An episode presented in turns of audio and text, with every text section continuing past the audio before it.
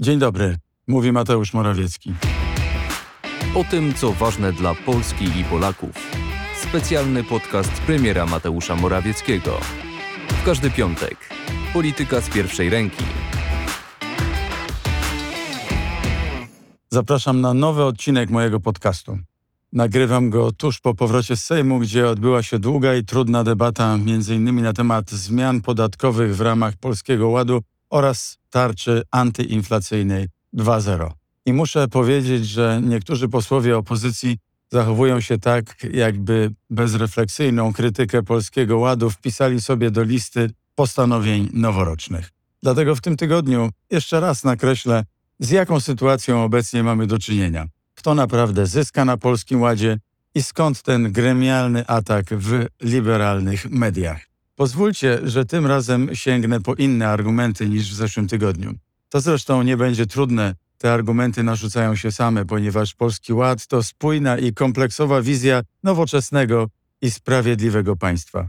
Powiem też parę słów o tarczy antyinflacyjnej 2.0, którą ogłosiliśmy w tym tygodniu i która razem z tarczą 1.0 ochroni polskie rodziny przed znaczną częścią negatywnych skutków rozszalałej globalnej inflacji. Na sam koniec zaproponuję natomiast krótki odskok od polityki, aby wspomnieć jedną osobiście dla mnie ważną osobę.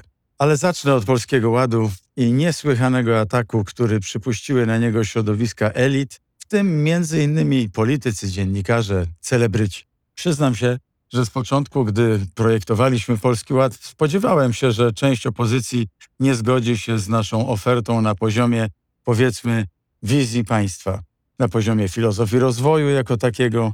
Jednym słowem, że spotkamy się z konkurencyjnym pomysłem na Polskę. Szybko się jednak rozczarowałem. Okazało się, że po drugiej stronie nie tylko nie ma planów na przyszłość, co gorsza, nie ma również chęci, aby naprawiać błędy przeszłości. No bo powiedzmy sobie szczerze, czy system podatkowy, w którym fryzjer czy kosmetyczka albo kelner z pensją minimalną albo nieco powyżej płacili składkę zdrowotną w wysokości 219 zł, a już warszawski adwokat, który zarabia na przykład 30 tysięcy złotych miesięcznie, płacił tylko 53 zł. Czy to było normalne? A dziś, kiedy w Polskim Ładzie proponujemy, aby te proporcje wreszcie zrównoważyć, aby osoby mniej zarabiające nie były bardziej obciążone podatkami, słychać krzyk oburzenia. Twarde fakty są takie, że wszyscy zatrudnieni na etacie, którzy zarabiają do 12 800 zł, realnie zyskają na Polskim Ładzie, albo ta zmiana będzie dla nich neutralna. No to zastanówmy się teraz. Ile osób w Polsce ma zarobki do tej kwoty 12 800? Otóż 90%. Dla 90% Polski Ład oznacza większe zarobki albo utrzymanie stanu posiadania, tak powiedzmy. Ale na Polskim Ładzie nie straci też żaden emerytowany górnik, ani nikt inny, kto wypracował wysoką emeryturę, właśnie również do 12 800 zł miesięcznie. Natomiast wyższe świadczenia z ZUS otrzyma około 8 milionów osób, czyli powyżej 90% emerytów i znacznie powyżej 90% rencistów. Po wprowadzonej ostatnio korekcie nowy system podatkowy jest neutralny dla emerytur do wysokości 12 800. Będzie się można o tym przekonać już w przyszłym miesiącu. Wtedy emeryci dostaną też zwrot nadpłaty podatku za styczeń. W takiej sytuacji muszę zapytać, kto tak naprawdę oburza się na Polski Ład? Przykro to stwierdzić, ale oburzają się przede wszystkim oderwane od rzeczywistości elity finansowe, elity wielkomiejskie, które nie rozumieją potrzeb normalnych ludzi. Nie rozumieją, ale wypowiadają się dziś w takim tonie, jakby, za przeproszeniem, pozjadali wszystkie rozumy. Bo gdyby to była jeszcze zrównoważona krytyka, krytyka choćby błędu przy naliczeniu PIT-2, który niestety się przytrafił, za który biliśmy się w piersi, w którym już wprowadziliśmy korekty. Tak, to bym jeszcze zrozumiał. Ale jeśli słucha się dziś mediów, to można odnieść wrażenie, że w Polsce właściwie nie ma nikogo, kto zyskałby na Polskim Ładzie. A ja widzę to tak. Dla oderwanych, odklejonych od życia części elit po prostu nie istnieją Polacy, którzy zarabiają poniżej 12 czy 13 tysięcy złotych i może nawet nigdy nie istnieli. Liczyło się tylko tak zwane górne 10%.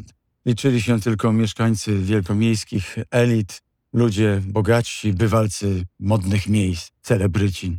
Kiedy teraz w dzisiejszej debacie mówimy, że ludzie zarabiający do 12 800 nie stracą na zmianach podatkowych, to miliony polskich rodzin wcale nie pyta, czy to dobrze, czy nie powinno być trochę mniej albo trochę więcej. Te rodziny pytają o to, a kto w ogóle w Polsce zarabia 12 800 zł? Prawda jest taka, że jeśli ktoś dziś w Polsce zarabia mniej więcej tyle, to należy do kilku procent najlepiej albo lepiej zarabiających Polaków. Jeśli więc dziś słyszymy, że ktoś na zmiany podatkowe narzeka, to jest to głos mniejszości, znacznej mniejszości, może nawet skrajnej mniejszości. I nie jest to wcale uciskana mniejszość.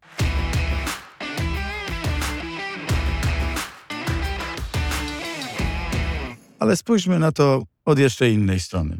Czy osoby zarabiające więcej rzeczywiście stracą?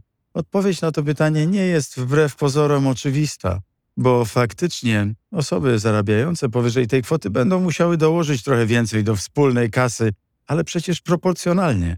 Niech każdy sobie uczciwie odpowie, czy kiedy ktoś zarabia 13 tysięcy złotych, to dołożenie dodatkowych 20 albo 30 złotych do wspólnej puli jest tym słynnym zabijaniem przedsiębiorczości? Naprawdę? Bądźmy poważni. Osoby o wysokich i bardzo wysokich dochodach z jednej strony dołożą trochę więcej, czasami więcej niż trochę więcej do wspólnych pieniędzy, ale z drugiej strony będą korzystać na lepszych drogach, nowocześniejszej służbie zdrowia, a ich dzieci będą chodzić do wyremontowanych i lepiej wyposażonych szkół. Przypomnijmy sobie lata 90. Dziurawe drogi, odpadające kafelki w szpitalach, głodowe emerytury, pospolita bandyterka na ulicach. Ja to doskonale pamiętam. Czy któryś z przedsiębiorców tęskni do czasów, w których policja nie miała pieniędzy na paliwo, a do restauracji co miesiąc zaglądali mafiozi po haracz? Czy ktoś tęskni do czasów, w których idąc do szpitala na operację trzeba było uzbroić się we własne strzykawki i kopertę? Nie sądzę. Do tej pory w polskim systemie podatkowym osoby najmniej zarabiające płaciły proporcjonalnie wyższe podatki niż kilka procent najbogatszych Polaków. Mechanizm odliczania składki zdrowotnej od podatku był zupełnie anachroniczny. Dość powiedzieć, że taki mechanizm w całej Unii nigdzie poza Polską nie był stosowany. Byliśmy pod tym względem prawdziwym podatkowym skansenem Europy. A więc Polski Ład to test, na ile jako społeczeństwo dojrzeliśmy przez 30 lat wolnej Polski. Jeśli jest atakowany, to jest to dowód na to, że mentalnie tkwimy w latach 90. Elity finansowe krytykują Polski Ład tylko dlatego, że będą musiały dołożyć do budżetu kilkadziesiąt, a w przypadku tych lepiej zarabiających czasami kilkaset złotych, albo niekiedy jeszcze więcej. To koronny dowód, że mamy w Polsce głęboki kryzys myślenia wspólnotowego. I nasza nowa strategia może to zmienić. Ona jest czymś więcej niż reformą podatkową, czymś więcej niż dźwignią sprawiedliwości społecznej. Ona wyciąga nas z mentalności lat 90., z tej neoliberalnej pułapki. Naprawiamy fatalne błędy transformacji i to niech stanie się kluczem nowoczesnego myślenia. Wspomniałem niedawno przy innej okazji o pewnym filmie Pieniądze to nie wszystko i tam jeden z bohaterów przedstawił ze swojej perspektywy podstawowe przykazanie polskiego kapitalizmu tamtych lat. Martw się o siebie. Martw się tylko o siebie. I właśnie doktryna Balcerowicza głosiła takie hasło. Martw się o siebie. A my chcemy innej Polski. Polski solidarnej, Polski, której hasło brzmi troszczmy się o siebie nawzajem. Ale musimy zacząć od tych, którzy do tej pory byli pomijani. I możecie być pewni, że to właśnie jako rząd Prawa i Sprawiedliwości zrobimy.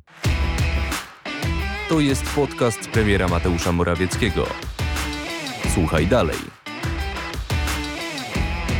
Temat numer dwa jest tak naprawdę kontynuacją, rozwinięciem tego, o czym mówiłem przed chwilą, bo zarówno Polski Ład, jak i tarcza antyinflacyjna mają jeden i ten sam cel zapewnić bezpieczeństwo i szanse na rozwój dla milionów polskich rodzin. Pamiętacie Państwo, że jeszcze przed świętami zaprezentowaliśmy tarczę antyinflacyjną po to, aby ochronić Polaków przed wysoką inflacją, kolejną gospodarczą konsekwencją pandemii. W praktyce oznaczało to wielką obniżkę podatków na paliwa, na energię elektryczną, na ogrzewanie z sieci, a dla najbardziej potrzebujących także finansowy dodatek osłonowy. W tym tygodniu ogłosiliśmy poszerzoną wersję tarczy, tarczę antyinflacyjną 2.0. Jej efekty razem z pierwszą tarczą najlepiej wyjaśnić na przykładzie. Wyobraźmy sobie mieszkającą w bloku rodzinę państwa Kowalskich, mama, tata i dwoje dzieci. Policzmy sobie teraz, ile mogą oni zaoszczędzić dzięki tarczy. Państwo Kowalscy mają samochód, a w kuchni używają kuchenki gazowej. Dzięki obniżkom VAT na żywność, na paliwo, na prąd i gaz zyskają w sumie około 140 zł miesięcznie. Jeśli w dodatku ich dochody nie przekraczają miesięcznie 1500 zł na osobę w rodzinie, otrzymają dodatek osłonowy 850 zł, czyli średnio 70 zł miesięcznie. Razem z obniżkami VAT-u to już jest około 210 zł miesięcznie tańsze życie. Tak właśnie działamy, tak zapewniamy realną, konkretną i namacalną pomoc w niełatwym czasie. Siostra pani Kowalskiej mieszka z rodziną w mieszkaniu z ogrzewaniem gazowym.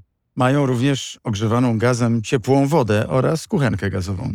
Ich oszczędności będą jeszcze wyższe, bo razem ze wspomnianymi obniżkami VAT-u wyniosą około 240 zł miesięcznie. Jeśli również ich dochody nie przekraczają 1500 zł na osobę, to wraz z dodatkiem osłonowym zaoszczędzą około 315 zł miesięcznie. Dla większości polskich rodzin 315 zł netto to jest solidna kwota. Może te 300 zł dla dyrektora międzynarodowej korporacji to jedno wyjście do restauracji, ale dla polskiej rodziny to bardzo często zakupy spożywcze na tydzień dla wszystkich. I my staramy się planować wszelkie posunięcia rządu w ten sposób, żeby to właśnie polskie rodziny jak najmniej dotknął światowy kryzys inflacyjny. Ale skoro pojawia się pytanie, dlaczego wprowadzamy tarcze antyinflacyjne, to trzeba też odpowiedzieć inaczej. Dlatego, że dzięki odpowiedzialnej polityce gospodarczej i podatkowej państwo ma właśnie takie możliwości. Po latach niemocy, po latach bezsilności, państwo wreszcie zaczęło działać. I w czasie tego kryzysu, zwanego przez wielu kryzysem stulecia, mamy narzędzia, by wspierać obywateli. Zwiększyliśmy dochody budżetowe o 200 miliardów złotych w ciągu ostatnich 5-6 lat, żeby móc obniżyć podatki 18 milionom średnio i mniej zarabiających Polaków. To najlepsze podsumowanie naszej filozofii gospodarczej, której jesteśmy nieprzerwanie wierni od ponad 6 lat i pozostaniemy jej wierni. Będziemy tak długo wspierać polskie rodziny, dopóki wszyscy nie przejdą w miarę suchą stopą przez te potopy kryzysu, w czasach którego przyszło nam żyć.